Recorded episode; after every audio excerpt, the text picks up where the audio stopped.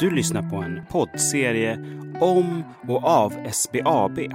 Ett värderingsdrivet bolag som vill bidra till bättre boende och bättre boendeekonomi. Den här podden handlar om oss som arbetsplats. Vi vill ge dig en möjlighet att titta in bakom kulisserna och höra hur det är att jobba hos oss. I det här avsnittet hör vi hur SBAB utvecklar en bra kundupplevelse med hjälp av kundinsikter, samarbete och teknik.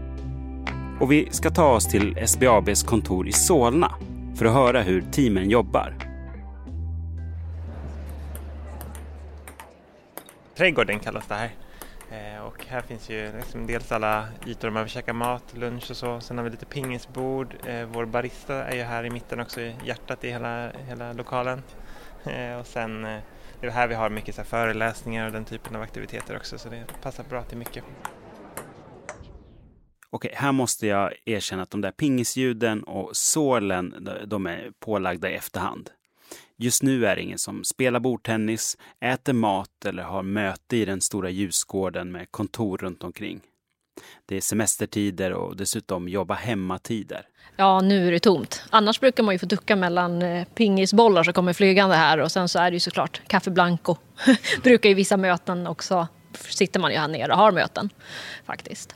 Annars sitter det människor här som jobbar med att utveckla SBABs ekosystem som bidrar till bättre boende och boendeekonomi. Ja, exakt. Så hela övervåningen är nästan uteslutande eh, utvecklingsteamen som sitter tillsammans med lite UX-designers och allihopa, olika delar. Så att det ja, framförallt utveckling här i Stockholm. De du hörde nyss är Moa Bogren och Kristoffer Avci Nåmark.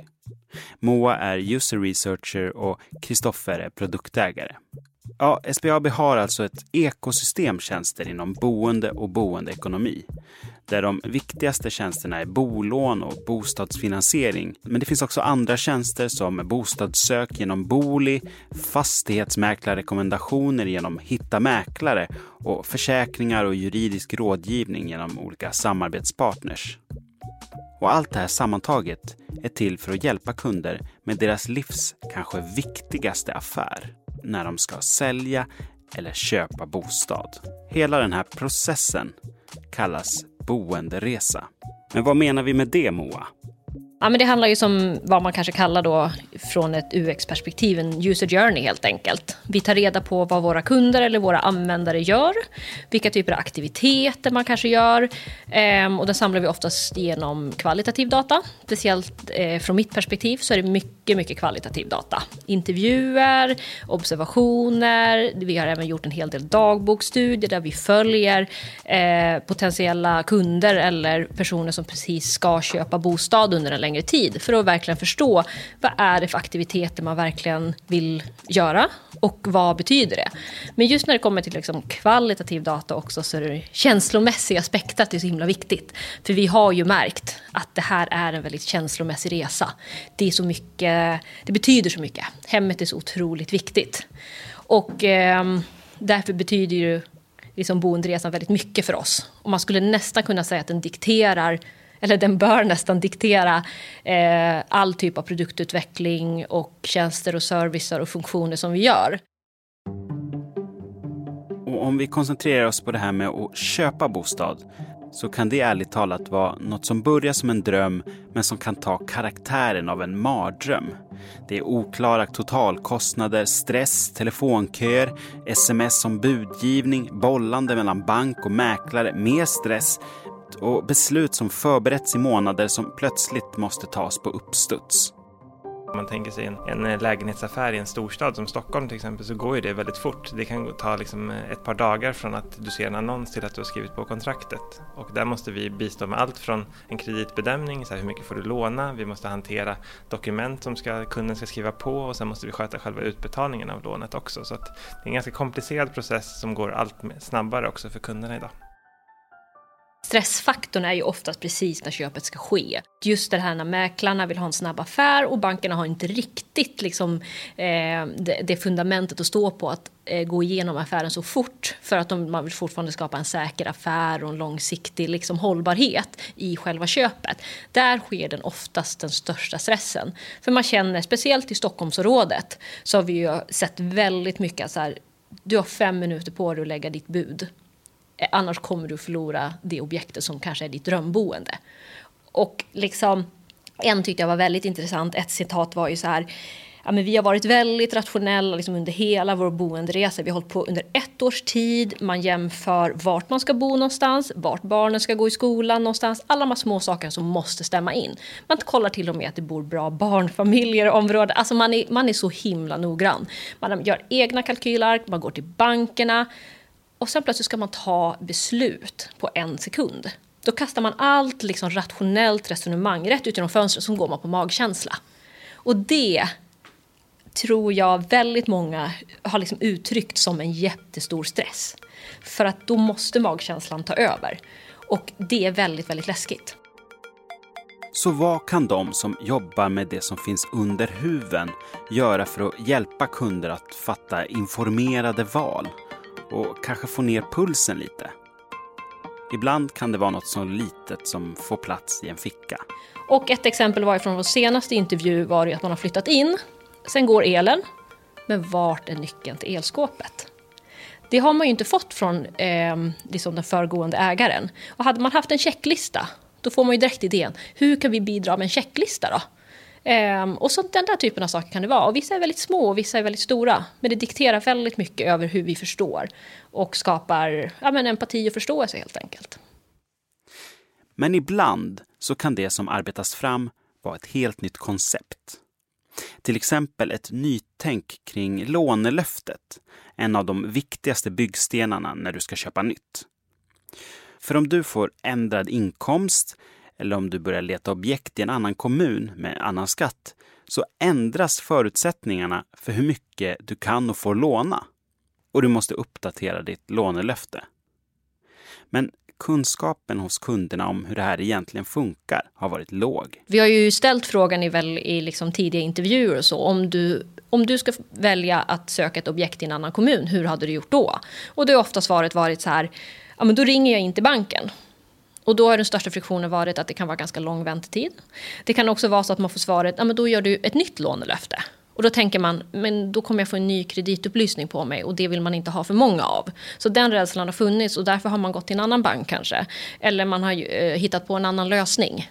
Så, så det, det, har funnits liksom en problematik och vissa har förstått att man behöver uppdatera. Och vissa förstår det inte alls. Men det har inte funnits något bra redskap till att på ett liksom så smidigt sätt som möjligt uppdatera det. Och det var väl där tanken tror jag kom liksom kring det smarta lånelöftet. Tanken kring det smarta lånelöftet var inte bara att det skulle vara lätt att uppdatera sin info utan att sitta länge i telefonkö. Tanken var också att det skulle få kunden att se vad som var möjligt. Det man ska komma ihåg om bolånet är ju att det är något som möjliggör en dröm eller liksom ett behov, att du, du vill ha ett hem, ett tak över huvudet. Och eh, det vi vill försöka göra är också så här, vi äger ju Booli och Booli har ju liksom störst utbud av alla, de visar upp vilka objekt som är till salu. Och det vi gör med vårt smarta lånelöfte är att vi kopplar ihop det där genom att visa så här, men här är ditt lånelöfte, du har det på så här många, det kanske är 5 miljoner kronor, men, men det är faktiskt de här objekten som du förmodligen har råd att köpa. Så vi knyter ihop det där också och blir mer transparenta är hur vi visar både så här, men kundens ekonomiska förutsättningar men också de, liksom, de faktiska marknadsförutsättningarna. Vad finns det för typ av objekt till, till salu här? Det här låter ändå ganska krångligt. Det är många parametrar.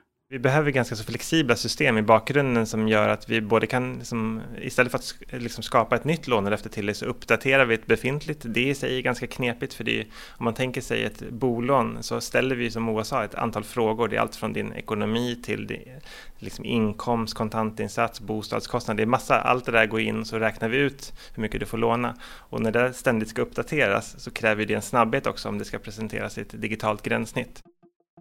Hur jobbar man som bäst för att få till bra produkter och få till en arbetsplats med utvecklare och andra som trivs, som vill komma med idéer och som känner stolthet? Ett svar som SBAB jobbar med är självorganiserande team. Där tanken är att varje team som jobbar med ett produktområde ska innehålla så många olika kompetenser att de ska kunna jobba självständigt. Vi vill ju att egentligen att ett produktområde ska kunna jobba med eh, liksom lånelöftet och köpresan rätt så autonomt och det lyckades vi rätt så bra med så det var ju primärt eh, ett team på SBAB som byggde den här tjänsten. Sen så har de en massa input såklart också från andra delar av företaget. Men när det gäller det smarta lånelöftet så var tanken att det skulle gå live sommaren 2020. Men det gick inte helt som planerat. Det kan man ju vara ärlig med också. Vi misslyckades ju med vår första produktionssättning förra sommaren. Så där trodde vi att nu är det färdigt, nu är det redo att gå live, men det funkade tyvärr inte. Och då är det ju liksom bara dra tillbaka allting och det blir en, en stress också i det. Men sen får man liksom samla ihop och se så här, men hur kan vi göra en lyckad lansering av det här? Det kanske inte är att vi har alla funktioner på plats från början, utan det är vi skalar ner det till det som är liksom väsentligt för kunden för att det ska ändå skapa ett värde. Eh, och sen får vi fortsätta bygga på. Och teamet ser nu hur det har varit en exponentiell ökning av dels hur många som använder funktionen och uppdaterar sina lånelöften. Dels hur många som har börjat använda Booli för att leta bostad istället för konkurrerande sidor. Det är också jättevärdefullt för oss att här, om vi ser att ja, men, fler och fler börjar använda Booli för sitt bostadssök. Så det är liksom en, en, en synergi vi får utifrån det här. User researchen MOA hon har sett just det här projektet mer nyfiket från sidan. Jag gjorde ju faktiskt inte jättemycket undersökningar på det eftersom att det är andra UX-designers som jobbar i det teamet. Och det är ju så vi liksom delar upp det lite grann. Att de UX-designers som jobbar i det teamet som eh, då har lanserat den här produkten också ska ta liksom helt eh, eget ansvar med uppföljning och mätning och det har det ju verkligen skett. Där har man ju verkligen testat och de nya, den nya funktionaliteten som byggs till det smarta lånelöftet, det itererar vi ju ständigt just nu. Vad är det för små tweakningar vi kan göra och vad är det för stora, för stora liksom funktioner vi kan släppa som ökar värdet på det här? Och det har ju kommit kontinuerligt med tiden här. Eh, så min roll i det hela är ju bara att stå och applådera och nicka lite grann. Men det är ju också en otrolig liksom, roll i det hela. Så autonoma team där man dessutom kan testa olika metoder för att komma framåt, allt från hackathons till sprintar till annat, gör att teamen hela tiden kan vara snabbfotade. Nu börjar det riktiga arbetet. Nu har vi släppt någonting, men nu vill vi bygga på. Vad behöver vi mer för funktioner? Vad, vad är det kunden efterfrågar? Så då, där pågår ju hela tiden iterativt och tar egentligen aldrig slut. Och så själv, om vi kan vara så självgående som möjligt i det och självorganiserande så kommer vi vara så snabba som möjligt också med att få ut nya features mot kunderna framöver. Okej, men om vi zoomar ut lite då. Hur jobbar SBAB med teknikutveckling och vad är målet? Vi vill ju bli eh, snabbast i utveckling, eh, i, inte bara inom Bank-Sverige utan i hela IT-Sverige om man säger så. Då. Och det kräver ju att vi håller oss up to date och utvecklar vår teknikplattform rent med de tekniska grejerna så att säga. Minst lika viktigt sen hur, hur vi effektivt lär oss att samarbeta med de här tekniska prylarna. Det här är Claes Ljungqvist. Min officiella titel är CTO, eh, Chief Technology Officer. När han började jobba på SBAB för fem år sedan så visste han att han började i en bransch som såg som gammal och stel ur ett tekniskt perspektiv. Men han ville vara med och modernisera den och företaget från det som har kallats ett lapptäcke av legacy till modern teknik och nya sätt att jobba. Jag har ett arv, absolut, som jag tror att alla banker jobbar med på sin, sitt håll och försöka komma ur gamla systemplattformar som har legat kvar länge och anpassa verksamheten till nya arbetssätt där det ska gå fort. För att vi är ju här i alla fall övertygade om att sättet för oss att överleva och kunna, kunna konkurrera på ett väldigt, väldigt eh, bra sätt är att bli återigen supersnabba i utveckling för att kunna vara relevanta mot våra kunder och mot de internt som behöver våra system där vi behöver vara snabba.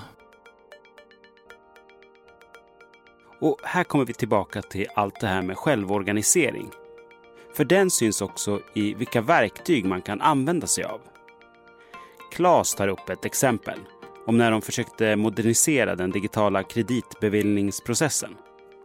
Och då kom teamet fram till att man vill använda sig av en, en eh, mekanism som kallas för event sourcing och eh, i det då börja bygga grejerna i Kotlin som är ganska bra anpassat för event sourcing.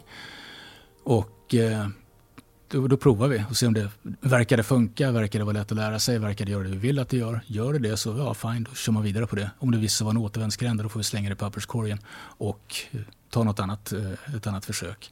Så vi har en, en, en av våra värderingar vi provar och lär oss och det är väldigt, väldigt viktigt att ta med sig det hela tiden för att utvecklas som, både som människa, som företag och som team. Så teamen är relativt fria och i och med det så följer också ett stort ansvar. Ett ansvar som också följer med över tid när teamen följer sina bebisar från idé till produktion. Vi försöker att hela tiden se till att teamen kan ta ansvar från idé till, till att få ut grejer i produktion. och göra det cykliskt och snabbare och snabbare så mycket som möjligt utan att behöva springa och fråga någon annan. Utan att ha koll på mål och ramar och vad det, är, vad det är vi vill som affär och sen agera utifrån det och kan köra hela från ax till limpa, baka hela limpan och sen äta upp den. och baka nästa limpa om man säger så, kontinuerligt undan för undan. Och om du känner att du äger kaven, bakbordet, ugnen, då kommer du känna större stolthet över den färdigbakta limpan. Man känner ett ägarskap över de produkter man bygger och de tjänster man bygger över tid och kan vara stolt över det man åstadkommer. Framförallt om vi mäter data som vi var inne på tidigare. Så att, oj, nu åkte kundliking upp här med, med x snäpp eller vad det nu kan vara. Eller nu, nu avlastar vi vår kundtjänst med, med si och så mycket för att vi gjorde de här grejerna. Och att vi försöker att uppmärksamma oss själva på det hela tiden, de små framgångar vi gör. För gör man små framgångar väldigt ofta eh, och ökar sin förmåga att göra de här framgångarna, åstadkomma dem, så eh, stimulerar det väldigt mycket och gör en stolthet i det man bygger och, och förvaltar och vidareutvecklar så att säga. Men sen uppmärksammar vi också ren, rena vad heter det, förmågeförbättringar. Vi mäter till exempel hur mycket grejer vi stoppar ut i produktion per månad, eh, hur mycket kvalitet vi har, hur mycket downtime vi åker på, eh, incidenter och så vidare. Hela tiden när, när de mätetalen och de förmågorna förbättrar sig så är det också någonting vi uppmärksammar och som man kan känna en, en hög grad av stolthet över. Och se att vi faktiskt blir snabbare och snabbare och snabbare undan för undan. Och då säkert mer relevanta också.